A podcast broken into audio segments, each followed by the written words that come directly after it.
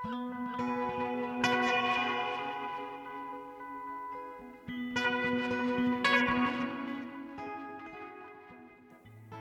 og sæl og gleðilega háttíð kæru lustendur við sjár.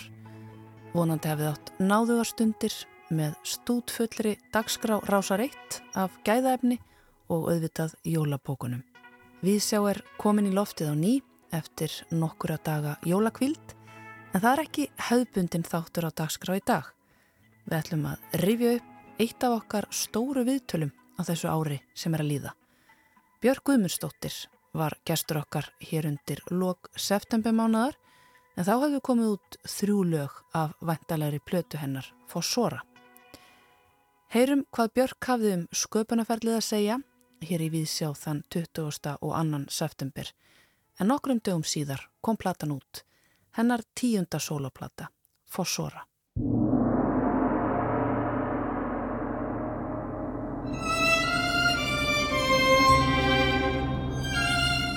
Fossora er tíunda soloplata Bjarkar. Fyrsta smáskifan, Atopos, kom út þann 7. september síðastliðin. Björk hefur sagt að Atopos sé eins konar vegabrif inn í veröld Fossoru en þar byrtist okkur óður til móður jarðar, veröld sveppa og náttúrlita, harðir taktar og þungur bassi.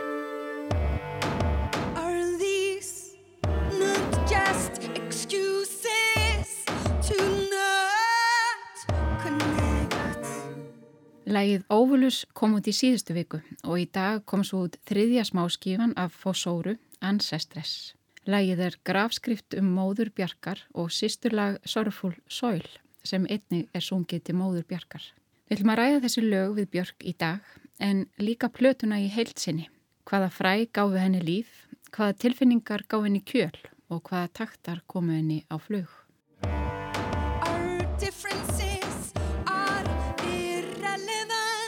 Björk hefur sagt að kveikjan að fósóru spretti úr raunveruleika síðustu ára.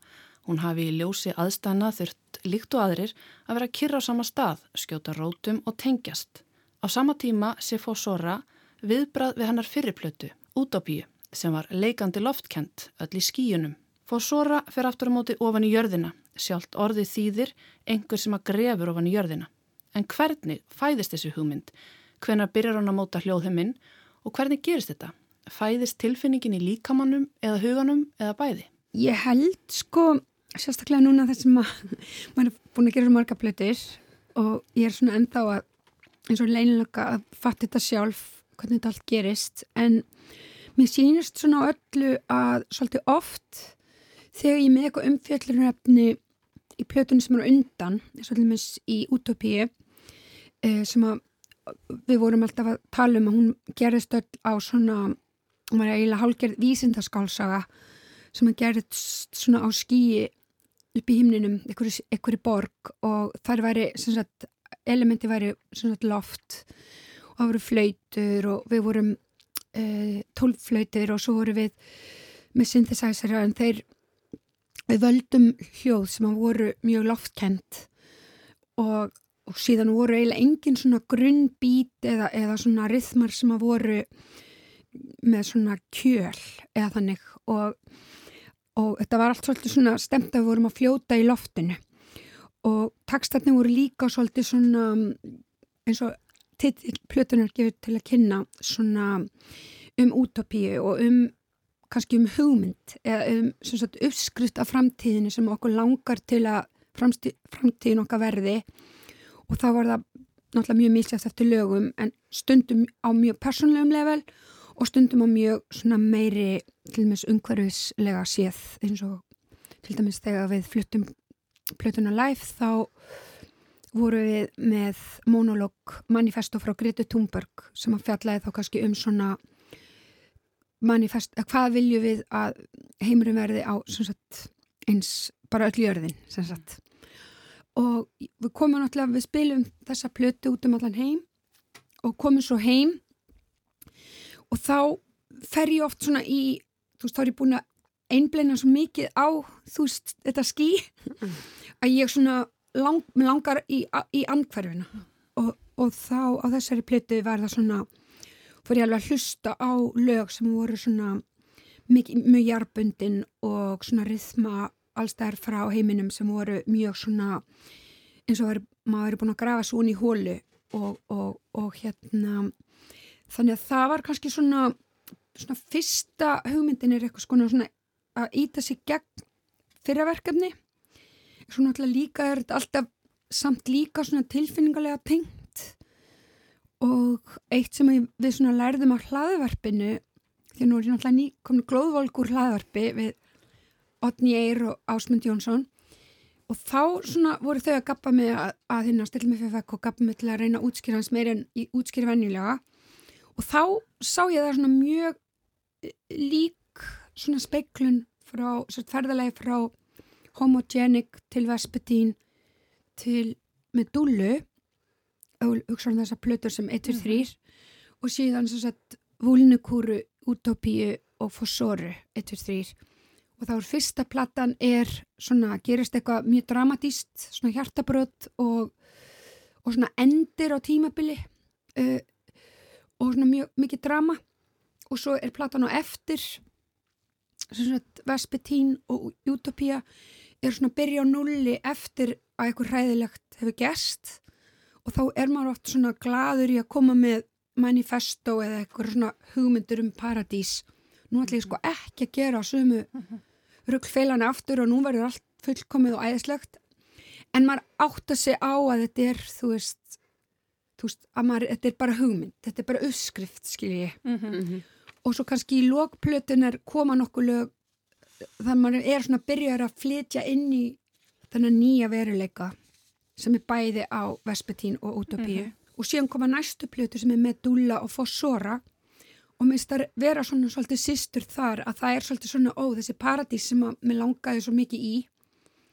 Þú veist, maður flytur inn í hana og svo er maður bara þú veist að setja stól og borð og hitta vini sína og búti súpu og eiga samræðir og gera mjög svona vennjulega hluti bara svona, fara út í búð fara á kaffihús þú veist, mm -hmm. tala við vini sína um einsbyggi, segja liðlega brandara þú veist, dansa þú veist, á förstaskvöldi og svo einhvern veginn í COVID yktist þetta allt, fór náttúrulega bara á tíundastast, þú veist, þústasta steg að því að þú veist, við vorum kannski í einhvernum jólakúlum eða vorum kannski að hitta færri vini en oftar sömu og þá yktist mm. þetta og mér varst það svolítið skemmtileg upplifun að, að vera veginn svona alveg kjarna sig og eiga kannski á sama árinu veist, tíu góðar samræður við einhvern veginn sem maður var kannski vanur kannski að fara þanga bara eins og árið eitthvað. Mm -hmm. Þannig að já, þannig að þessu leiti fyrir ekki hvað til langt svar en,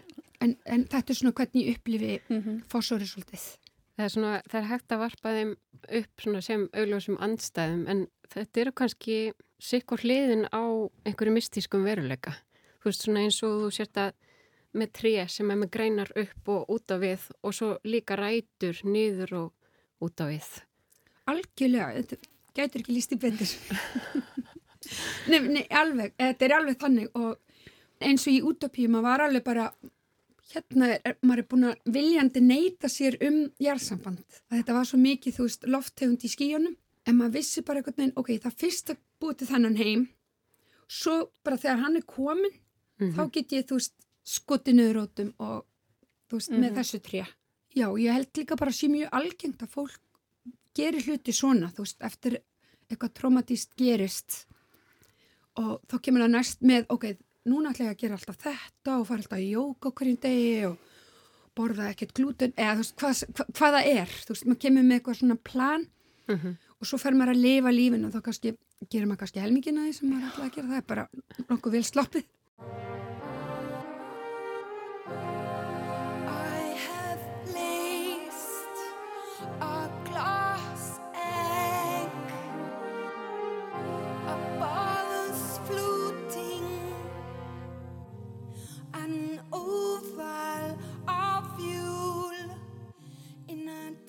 Hafði hlaðarpi árið á fósóru e, ég hugsa ekki en ég get kannski sagt að faraldrin hafi haft árið á fósóru þannig að ef að faraldrin hefði ekki gerst þá hefði kannski fósóra bara verið klarnættuplata ég hefði kannski síðan bara hlaupið út og gert eitthvað tíu hluti og fer svolítið í því konsepti.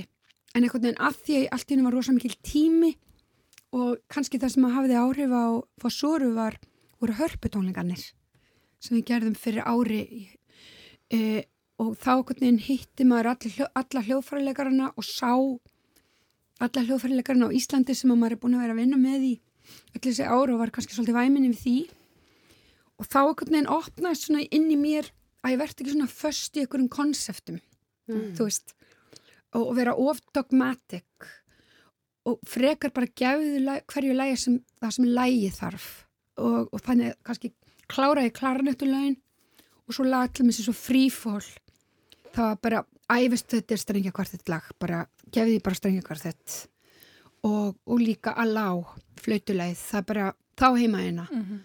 og básunur í óvjúl þú veist, ég ætlaði eitthvað við tókum þetta bara eitthvað upp í á bergur og að því að við vorum först, þetta var þegar það var mest svona, máttu bara hitta fimm eða eitthvað og svo ætlaði ég að setja að setja klaranett en svo bara æneið, þú veist, þetta er bara flottar á básunur þannig að það svona kannski svona helmingur um plötunar og kannski getur verið að ef það er ykkur áhrif frá hlaðverfinu þá er það að svona þú að ég hafi sett mér þá svona ól, mittis ól eða Saturnus eða þessi svona, þetta svona ennan aga sem að fælst í því að halda konsepti út á enda. Þú veist, ég hef búin að gera það alveg nóg, þú veist, ég sá það alveg á svolítið mörgum plötum. Mm. þú veist, já, ok. Kannski hefði ég alveg geta, þú veist skiptum skoðun á okkur einu lægi sem kannski eins og allir mutual core og biofíliu það er eiginlega betra á strengjum heldur en á orgeli. Þú veist, en ég held, hafði á orgeli bara því að orgel plata mm. Og þegar við spilum það live þá er það eiginlega flottast á strengjum þannig að ég held ég á kannski aðeins losa þar til þú veist að vera ekki eins först í konseptunum að konseptin séu meiri svona hjálpatæki mm -hmm. en í raun og veru þar á hvert lag bara að fá það sem að það á skilið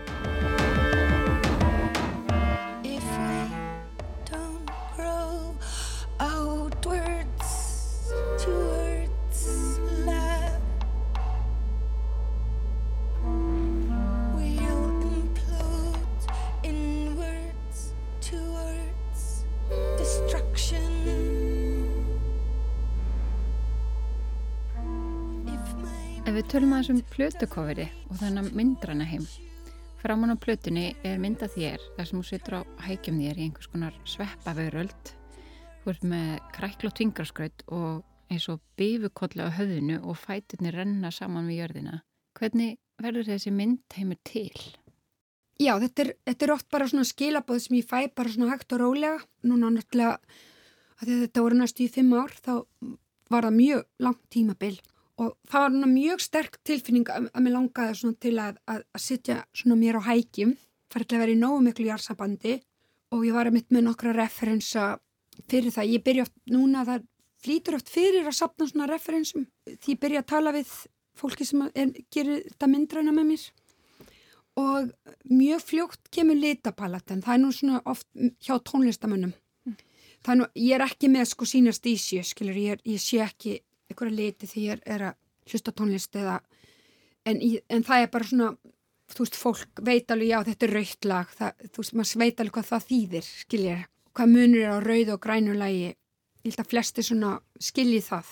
Uh, svo líka vissi þetta var framhald á útopíu og þar voru náttúrulega aðalitirnir svona feskjulitur og svona myndugrætt sko ef að útopíu er á sumri til í, á söðukvilijarðar þá er þetta á vetru til á norðu kveiljarðar. Þannig að þetta er raun og veru þá ertu búin að taka svolítið innan myndheim og ekki bara fara með að norður út á píuheimin, heldur ón í jörðina. Og þannig að í rauninni ef þú tekur myndugræna þá verður hann þessi svona okkur þessi litur. Og, og hérna stundum byrjar þetta persónulega eins og ég gerði svefnarbyggi mitt upp í sumabústað dökk, dökk, dökk, raut þú veist, að byrja eiginlega þar og e- einhverju svona, svona tilfinning bara mér langar að þú veist að, að bara len, þessi þungi svona verið eins og væri maður langar að vera náttúrulega eins og inn í móðukviðið eitthvað. Uh, sen eru náttúrulega plöndutnar, það var náttúrulega ákveð framalt þar að því að út á píu voru við aðalega með orkidur þá svona hluti af þeirri vísindarskálsögu að flauturnar voru búin að blandast fugglum, voru búin að blandast manneskum og það var svona ákveðin von í því að ok, það er post-apokalyptik, þú veist, öll, það búið að sprengja allar kjarnarksprengjunar en þurfum bara okkur að eigi og það verður alltaf með okkur þóttu við séum eins og Simpson með þrjú augu og, og, og þú veist, í, þú veist með fiskurinn hana, ég hugsa alltaf með hana fiskarna þú veist, blómi á enninu og, og fuggla eitthvað á, á kinnunum. Mhm. þannig, þannig að þetta var svona ákveðin von að snúa þessari svona eftir kjarnarksprengju hrylling í, upp í jákvægt að líffræðin sé svo flókin í náttúrunni og hún bara getur tæklaði eitthvað jákvægt. En það er aðeins annað vingill í þessu. Þetta er meiri ekki vísindaskálsuð fyrir mér. Fólki er bara, yeah, right. Horfur á þetta og segir hérna. Bara, yeah, dream on.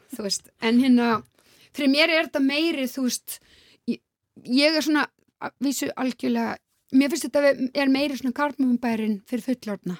Svo eru alls konar vísbendinga líka, þú veist, eins og þú veist að tala um orkidegunar og það er þessi opnu blóm og vulfur í útapíu. En í, í þessari fósóruplötu þá er sko fræ og aldin utanum fræið er með alla næringuna sem, sem það þarf til þess að vaksa þannig að þetta er svona miklu raunhæfara Alg, Ég er algjörlega mjög mm. fallegt, mjög fallegt, ég er algjörlega samanlega, þetta er svona, þessi plata er, þú veist, ég, ég hef það sem ég þarf, þetta er svona, það, það eru mjög lík með dullu, mm -hmm. það er svona, ég hef það sem ég þarf. Þú veist, og allt er bara bónus ofan á það. Uh, þannig, já, algjörlega og, og plöntnur, þú vorum að tala um plönturnar og náttúrulega algjörlega ykkur látskasti þetta vera ykkur rótar ofstir slass sveppir þú veist, en það, það er svona þeir væri mjög svona þetta er ekki fantasi, þetta er svona þetta er svona róur og gullrættir þetta væri svona meiri, þú veist, ég hef það sem ég þarf. En, en, en útopía var það sem ég langar í er en þá handan, ég næ ekki í það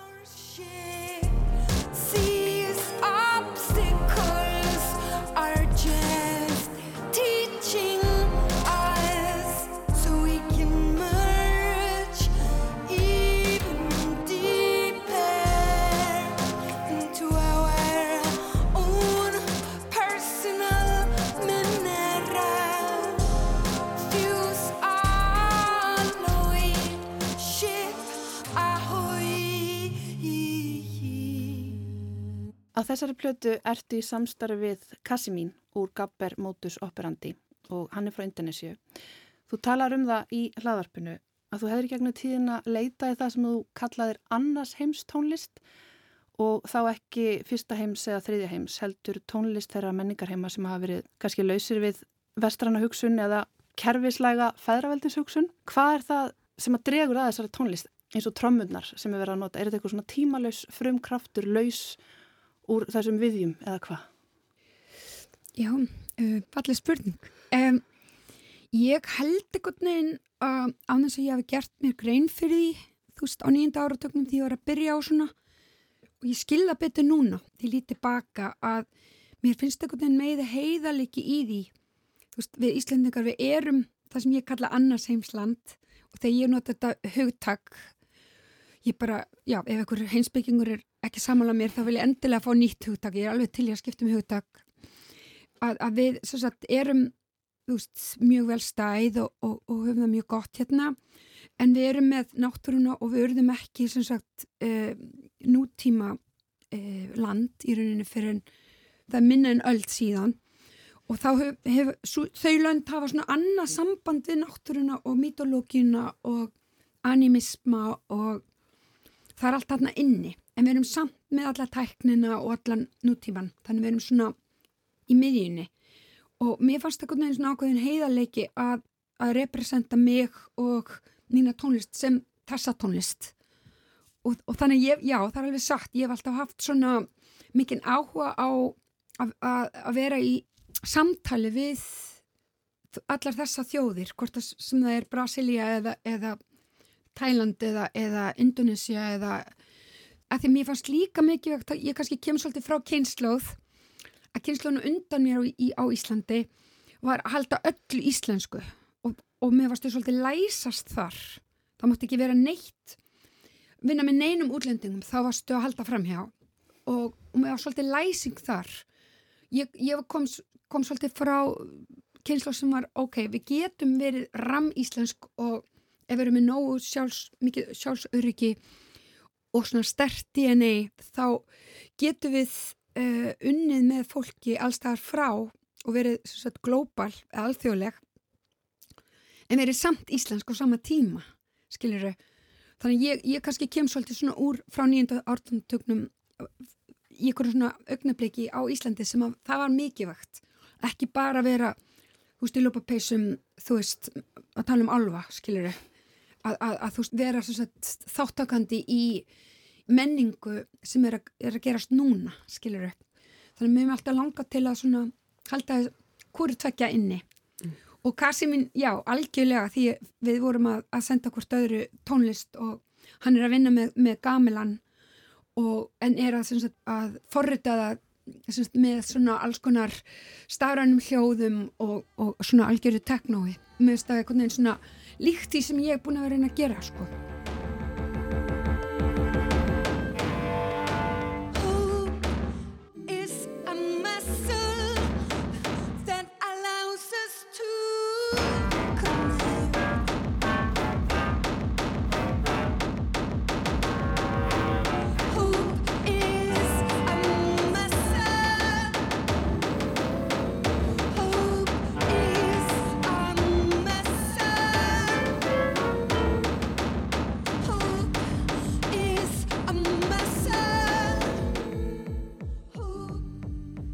Það lag á plötunni sem sker sér svolítið úr, Tröllagappa. Það er mjög rytmíst og hálf grótest og í því er engin söngur. Þetta lag minnir svolítið á þegar einhver hlær tröllahlátri og það fylgir því kannski svona einhver laust frá alvarleikanum. Já, mjög algjörlega, ég, þú alveg náði mér hérna því að ég var ykkur uh, sólardegi á þingvöldum að semja þetta lag og það var eitthvað æð, bara eins og þegar þingullir eru þegar sólinn er úti og það er bara besta land og fallegasta útsýn í heimi. Og þá kom þetta lag hvernig um, var það til og mér ást það einmitt mjög fyndið því ég gerði það þú veist og var ykkur algjörlega látskasti við rafnildu vinkonu um eitthvað dröllagappa heiminn þurru meiri dröllagappa og eitthvað svona. En líka kannski svona þráður sem ég er einmitt búin að vera líka að tala um mikið í gegnum árin og svona mín upplifun á íslenskri náttúru er að hún sé mjög rá og hættuleg mm. og mhm. orgu mikil það er ekki svona þú veist eins og, eins og mikið í vestrænum eins og ég segjum, segjum hérna fyrsta, fyrsta heimslöndum þá er, er hérna náttúru tónlist sem er tengt náttúrunni er þú veist eitthvað útstokk, eitthvað kassagítar og fyririldi sem er, er svona síðast það sem ég er eftir í hug þegar ég horfi veist, út um klukkan yfir eitthvað raunbreyður og sé, þú veist, elgós og svona, er eitthvað kassagítatónlist og, og berfút fætti með fyrildi, fyrildatatú, skilur mm -hmm. þannig að þannig að tröllagappa er svona það sem að mér dættur í hug, Já. það er kannski bara að lýsa hvað heilin á mér er bilaður en það er svona meiri það sem mér dættur í hug, það er þess að svona ekki bara eins og margir upplega líka íslenska náttúru eins og sé þetta sé svona heimsendir eða, eða apokalyptik svona. Ég upplifa ekki þannig, mér finnst það akkurat ekki, mér finnst það mjög svona, maður verður svona fullur á orgu þegar maður er búin að lappa, taka góða gangutúr upp, upp á hálendinu. Mm. og mér finnst það að vera svona maður verður svona jákvæðir eða finnst það að vera svona yes. Þú veist það er til það skiptir ekki máli öll mengunin í stórborgonum og, og, og þú veist öll þessi vandamál sem við erum búin að koma okkur í á planetinu. Þú veist það er von, þú veist ég fyllist von meira þegar íslenskra náttúru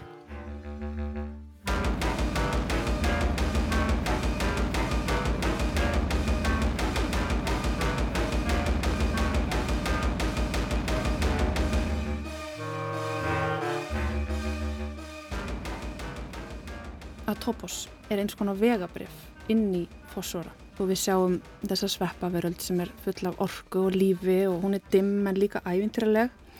Og svona í ljósi þessa tíma sem við lifum uh, þegar við erum sífælt aftengdari frá okkur sjálfum og, og jörðinni þá fyrir maður að hugsa um verkið kannski sem óð til jarðarinnar líka. Rótana, tengsla við aðra manneskjur ekki bara lífkerfisins heldur móðurjarðar. Er platan einhvers konar óður til alls þessa líka?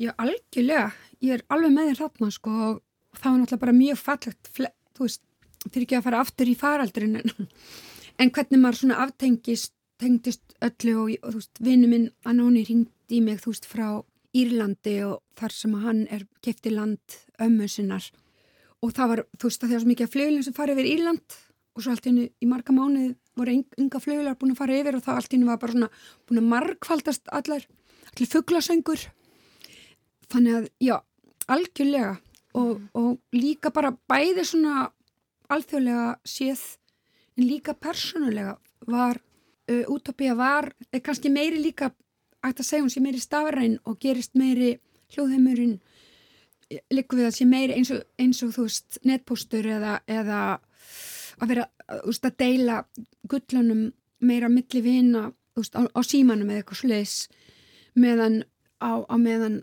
með fossoru þá var maður þú veist búin að vera nóg mikið á Íslandi og maður, og maður var að fá svo mikið næringu og svona samskipti milli vina og fjölskyldu og ástuna e, í nærumhverfunu að þú veist maður langaði að hafa þú sex bassaklarinn að kliðan á manni og finna þau sko farið gegnum allt högðakerfið á manni og alla frumutnar og výbraðins þú veist þannig að, að það er náttúrulega gott að hlaða sér þannig og það er kannski eitthvað sem að, að ég sé eitthvað svona vil ég fara út í hérna Ísland allt er best á Íslandi eitthvað en er svolítið glada líka uh, alveg svona leðinda fasismi í því en við vitum það að bara það að við förum í göngutúr flestir íslendingar oft í viku þú veist hvort að sé út að lappa með hundin eða, eða lappa lögavegin eða, eða þú veist esjuna eða, eða bara æsíðun eða hvað sem það er við erum miklu aðgangur og miklu meiri útiveru hérna mér finnst þetta oft betri en nokkur þú sálfræði tími eða þú veist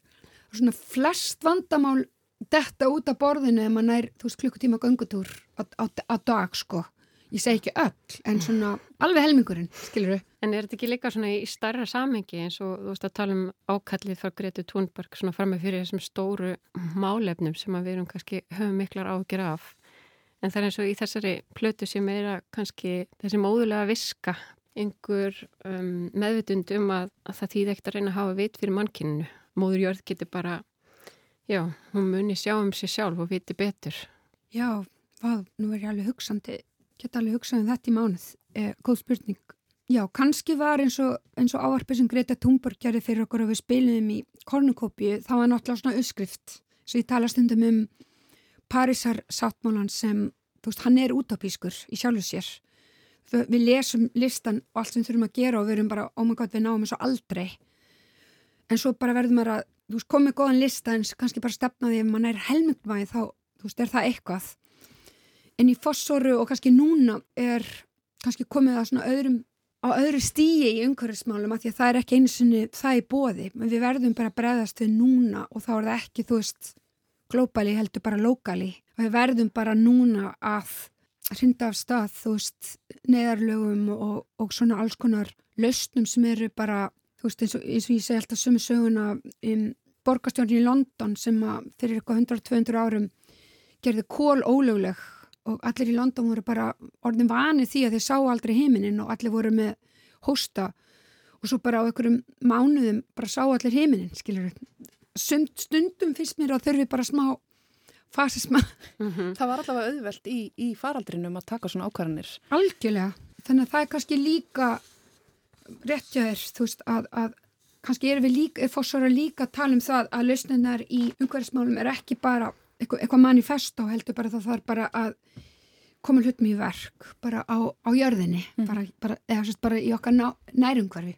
Talandu um að koma hlutanum í verk. Þú saði frá því viðtali við Guardian fyrir stuttu að þið Greta Thunberg hefðu gert samkomlag við Katrún Jakobsdóttur um að lýsa yfir neyðarástandi til að íta við valdtöfum heimsins til að breðast við en að svo hafi Katrín dreyið sér úr samkomiðlæginu sem hafi gert því reyða. Síðan þá hefur Katrín sagt að ekkert formlegt samkomiðlag hafi verið gert. Hvernig bregstu við þessu? Hver er viðbröð þín við þessum umælum hennar? Já, mér, þetta var kannski smá miskilningur í þessu eins og gerist oft þegar ívilsingar skólast til millir fjölmjöla og millir landa en það sem gerðist var að Eh, Þannig með haustu þegar Greta var að sykla á bátnum yfir Allandshafið og það var enna margir að býða eftir henni New York Maine. Og þá akkurat var sagt, Katrín yfir fósittisráðurum uh, Norðurlanda. Og hún, sagt, við, við sem hún myndi vera með stóra ræði þannig saminuð þjónum og ég og Greta ákveðum sagt, að vera með blagamannafund í New York áður en að Katrín haldi ræðina sína. Og þar sem við myndum skora á e, fósittisráð þeirra e, Norðurlanda að lýsa yfir neðarastandi í umhverfismálum Þetta ekki bara, kom ekki bara úr loftuna því að Írland var nýbúið þarna á þessum tímapunkti að gera þetta og, og fleiri lönd e, í Evropu. Ég sagði við Greti, veistu hvað, ég með reynslu e, í barátum mínum um álver á Íslandi að það sé ekki gott að fara í slag við stjórnmálamenn af því að þá bara kemur leiðurslagur og verður, gerist ekkert, kemur ekkert út við því. Á ekki frekar að tala við hana og beðnum að gera þetta með okkur og þá talaði ég við eitthvað sem talaði við eitthvað og ég fekk farsímanúmerið hennar sem ég gerir vennir aldrei. Þetta er fyrst og síðasta skipti vonandi sem ég þarf að fyrir eitthvað að texta stjórnmálumönnum og ég svo textaði hennu og sagði þegar ég vildi bara láta þið vita það að þú veist áður en þú gerir þína ræðu flyttu þína ræðu þá ætlum við Greta varum í blagamann að fundi ég búin að skipla þetta og við ætlum að skora á, á fórstisráðira Norðurlanda um að lýsa við neðra ástandi í umhverfismálum. Og þetta er svolítið svona uppstilt svona, gegn þér. Það er bara að koma hreint fram með það. En vilt ekki bara vera með okkur í því? Þú þarfst ekki að lýsa yfir neðar ástandi eða neitt, heldur bara skora á og segja þú, þið séu að vinna í þessu. Og hún svaraði þá, það sem er mér finnst kannski smá óheðilega sem Katrín gerði er að hún hefði kannski átt að segja þarna nei, þetta er aðeins svo djart fyrir mig við stjórnvöld ætlum ekki að vera með en þú veist, gangi ykkur vel eða eitthvað svona. Það sem hún sagði var, heyrðu, þið getið kanselir þessum blagamannafundi þið eru ekki að halda hennar blagamannafund þegar ég ætla að lýsa þessu yfir hvort þið er í ræðunum minni á saminu þjóðanum og þá sagði ég, treysti henni og sagði, ok, ég kanslera þá bara, ég var búin að undurbúa svolítið lengi hennar blagamannafund og þá kansela ég bara mínu sem sagt mínum blagamannafund hætti og síðan beði eftir ræðinni og þá sað hún ekki neitt. Það sem, að, það sem ég er svolítið óðurkt frá henni var að hún, sem sagt, hún hefði bara hægt að koma hreint fram og segja nei, við ætlum ekki að gera það. Og þá hefði við geta staðið við okkar plön. En síðan hefði ég nú alveg kannski verið með henni í liði og skilið að hún væri mjög erfið samstarfi við þess að hérna flokka og svona en mér finnst þau bara síðustu ári ekki hafa gert neitt. Og uppaðin sem er núna í umhverfismálum í láslasjóði mm -hmm. það er bara, þú veist, brandari. Ég, það var eitthvað að segja mér, ég, ég selða ekki alveg stýrt og ég kefti að, að, að það væri 500 miljónir á ári í einhverjum sjóði til að hjálpa kjötframlýslu á landinu í umbóðir, Matvælasjóði. Matvælasjóði, þakka þér fyrir. Þú veist, jörðin brennur það er náttúrulega bara hlægilegt og fyrir utan það finnst mér gott að það sé búið að koma þá allavega fram á þessum sístu tvimi vikum aðeins meira að þegar þú lýsir yfir neðar ástandi þá bara ótomatist eins og gerðist í faraldrinum eða eins og geraði þær elgós eða flóð þá fara semst, allt fjármagn, miklu meira fjármagn rennur bara ótomatist í hellinga, hellingakategórium og, og, og þá er hægt að bregðast miklu hraðar við og pluss að það núna eru 97 þjóðir búin að lýsa yfir neðar ástandi öll Norðurlandin nema Norður og Ísland. Þannig ég bara skil ekki okkur erum ekki búin að þessu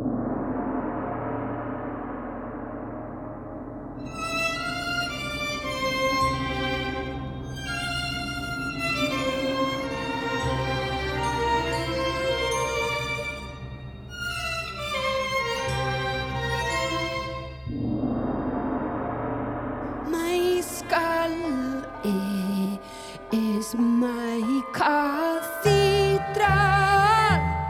where this matrimortem.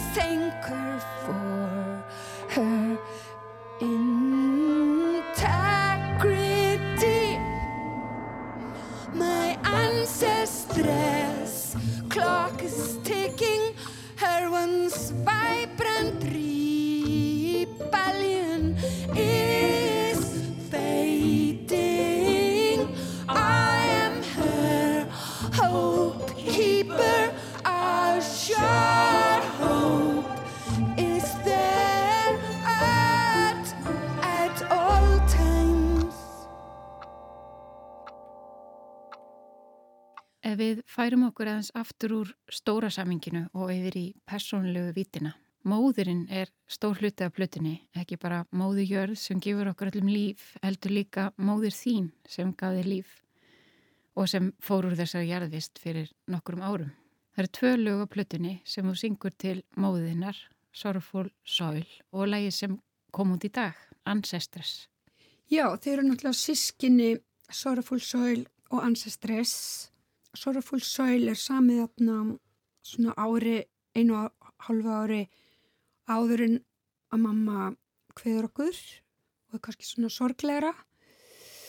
Og Ancestors samið eftir og þá það, hefur það kannski inn í sér ég skildi betur því samtiða svona þegar fólk talar um að jarðafæri séu eiga að vera svona, uh, svona að halda upp á líf eitthvað að sé að þú veist ekki bara eitthvað sorglegt heldur, þú veist eins og maður heyrir að fólk í Mexiko geri eða Írar og, og þetta sé líka svona þögnuður eða svona, þannig ég ég var svona fljótari að semja Sorrowful Soul, það var svona meiri bara svona samið á, á klukktíma og meiri svona svona spontant.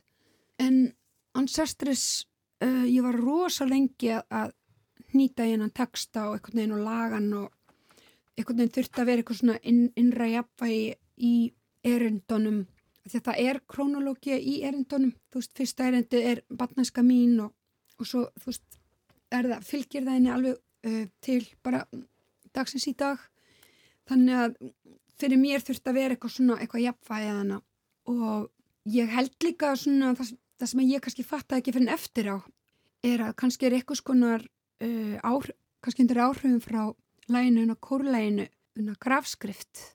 En það var alveg ómið, ómiðutað ég held ég ekki fatta fyrir bara að plata maður búin að, og þá var það eitthvað svona mér varst alltaf svo fyndið þegar maður heyrði þetta með hamræðlega kortnum og allir textandi voru svo romantískir og svo kom alltaf þetta eins og þetta væri frá hagstofunni. Svona upptalning um, um árið 1700 darara, darara, þú veist eitthvað svona upptalning og mér varst eitthvað svona varst það svona alltaf svo fyndið. Ég var bara váka þetta fyndi texti. Og eitthvað tíma þarf ég að prófa þetta svona hagstöfi texta. En, en síðan náttúrulega að þetta er náttúrulega móðu mín þá langaði mig náttúrulega ekki til að hafa þetta svona feðraveldis upptalningu heldur akkurat öfugt. Þannig ég held að ég hef kannski farið í staklega í Sorrowful Soil og nú er ég bara eitthvað útskýri eftir og ég, ég náttúrulega skilja ekki hvað ég var að gera mig ég var að því en, en mér finnst það gott neginn að Soul hefði mitt, ég fari meira í, þú veist, líffræðina að ég vildi, að þetta væri svona þú veist, konur, er fæðast með 400 egg, þú veist, þetta væri ekki, þú veist, hann fættist þetta ár og svo fór hann, lærið hann í, þú veist, innskólanum og svo var þann, þú veist, smiður og mm -hmm. hann giftist og átti fjögur börn og, og svo mm -hmm. dó hann. Þetta er eitthvað sem mm -hmm. maður veit ekkert um þessu manneski. Mhm. Þú veist, ég hafa, hafa það sama en ekki ferilinn eða störfin heldur sko, var hún með mörg egg hvað tókst einn að búið til marg hreyður þetta verður svona meðraveldis taksti eða svona upptalning. Og sen er ancestors kannski meira í tilfinningunum. The machine of her þín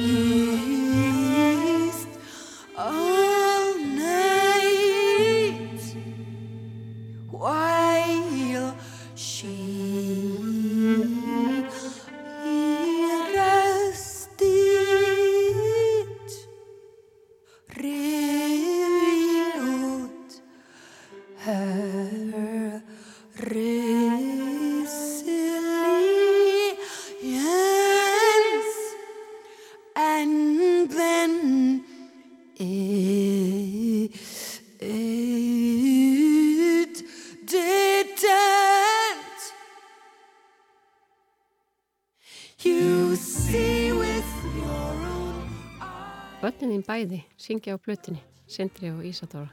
Er það ekki fyrsta sinni? Jú, algjörlega, sko. Ég, ég veit ekki alveg, sko, að ég verið spurðið þessu fyrir nokkrum árum þá ég bara sagt nei, en, en kom mér mjög óvart, en ég held að sé svona eftir á higgja kannski helst, sko, e, kannski að þið eru bæðanum fullorðin, þá getur þau sagt nei eða viljað ekki.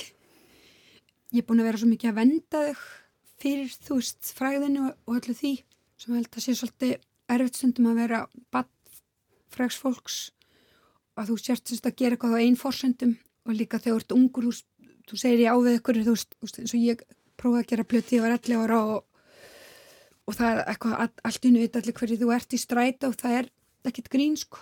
Þannig að hérna þannig að já, ég held að það sé svolítið út af því en svo líka bara við vorum svo mikið saman í COVID þannig að þetta, það væri svona skrítið að, að þau væri ekki á plötunni. Og svo líka hérna var syndinu alltaf bara mjög tengdum ömmu sko. Þau voru, hún var alltaf bara færtug þegar hann fættist þannig að það var mjög svona hann langaði til að þakka fyrir sig og gerði rætt útsetningar í læð hennar um hanna You see with your own eyes But here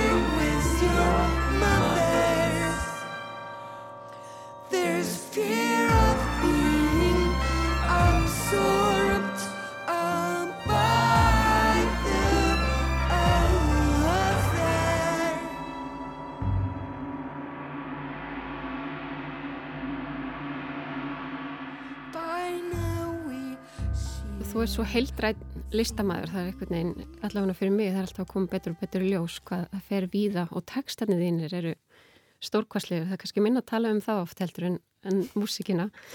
Það fær bara hjá mér. Já, en ég upplifa, upplifa það oft, oft eins og þessi svona eimað samtal sem að rá við mögulega elskuga en svo er kannski hægt að sjá það í miklu starra samhengi.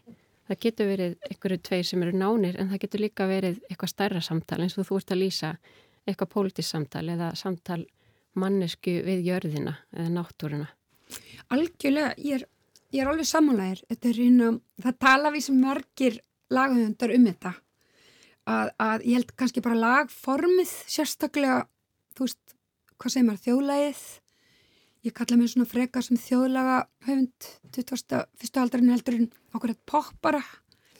Eins og með fullir virðingu fyrir poppurum að þeir tala mitt um þetta að það er, er alltaf eins og öll lögin sem að sé að syngja er sjö ástalög en svo náttúrulega eru náttúrulega öll lög ástalög skiljur, en kannski stundum er maður að syngja um bílinn sinn eða frængu sína eða, eða og stundum er maður að því að lög verða náttúrulega svona tilfinningalegt neitt þú veist, er, þetta er, þú veist, að það eru þúsund neitt af tilfinningum og þetta er neitt nummer, þú veist, 419 og þá verður lag um það og þá einhvern veginn, eins og ég hef sagt til mér komdum í á fyrstu plötunum minni var um tvo vini mína, þú veist erindin um einn vinn og, og, og vilaun um annan vinn og svo hlustar fólk á þetta lag og þá virkar þetta eins og ástalag. En það er alveg samtalið satt, sko. Og svo eru svo kannski sumlög sem að virka eins og ekki ástalag þau eru ákvörðat ástalög þú veist, declare independence eða eitthvað svona. Og mér finnst náttúrulega mjög gaman að leika mér að þessu. En já, mér finnst þetta þetta er náttúrulega svona eitthvað sem ég þarf að leggja miklu meiri vinnu í. Þetta, þetta er ekki svona að semja laglínur er mér miklu eðlilegur heldur en að skrifa texta og ég þarf ofta að eima alveg bara mjög lengi eitthvað texta og vinna kannski marga mánuð þannig að hann réttir og þá eru það kannski að því ég ekki að veist að því ég er ekki rauninni ljóðskald ég er raun að veru með eitthvað lag sem er eitthvað tilfinningalegt neitt og ég er að reyna að klára það og klára böglast við ykkur að klarnettu útsetningar eða eitthvað, þú veist ég er líka að reyna að klára eitthvað annað, eitthvað bítið eitthvað sem er, mér kannski gengur ekki nógu vel með. Þá er mér oft gott að geta komið með eitthvað orð sem að hjálpa til og sagt, þú veist, já þetta er þetta neitt já, ok, ok, þú veist Música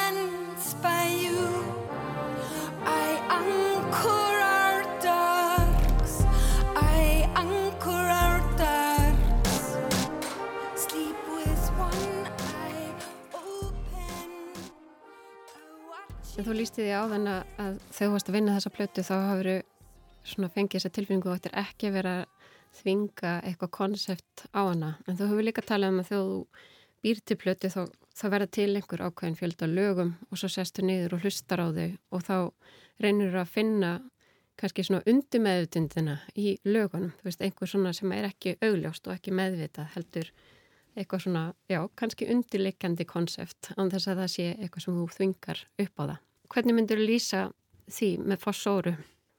Já, ég er alveg samanlegar, sko. Er, mér finnst þetta oft meira spennandi svona, þetta sem að maður veit ekki af, sem maður horfir kannski fimm árum setna tilbaka og þá sér maður, já, þetta var bara með hann bolta á hana. Ok, það var oft miklu einfaldar en maður hjælt. Um, og mér finnst það oft vera svona áhugaverðar heldur en rosa heavy concept en sko Fossora, það sem ég veit núna að því hún er náttúrulega bara að koma út akkurat núna þannig að ég, það er svona takmarka hvað ég veit. Og ég er búin að reyna svona að deila því með þessu tarotspili að þetta sé svona það tilfinningin að grafa sér í jörðina og, og ná svona hjálpsabandi og, og, og vera áslega ánæður með vinnum og sínum nánustu.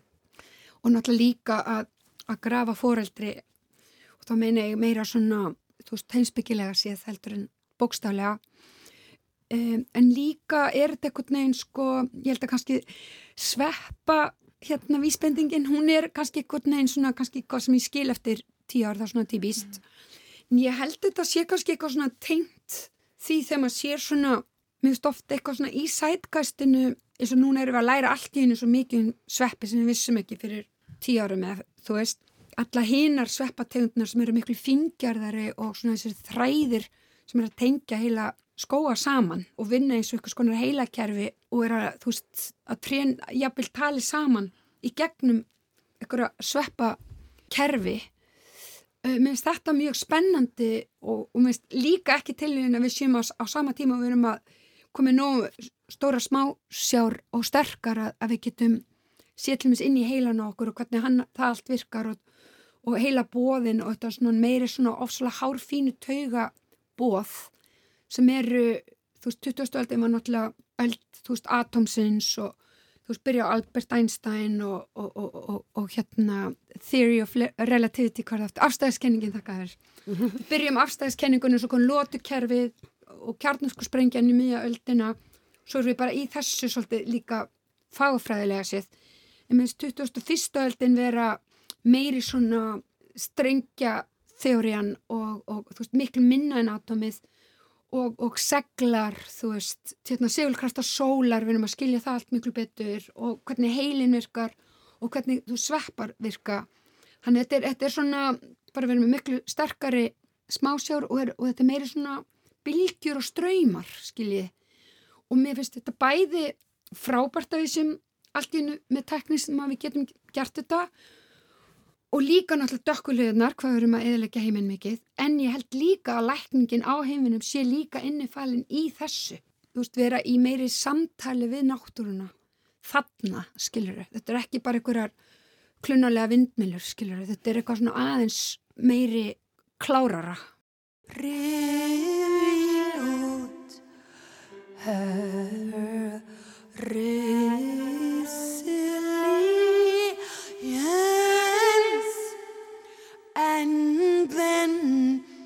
E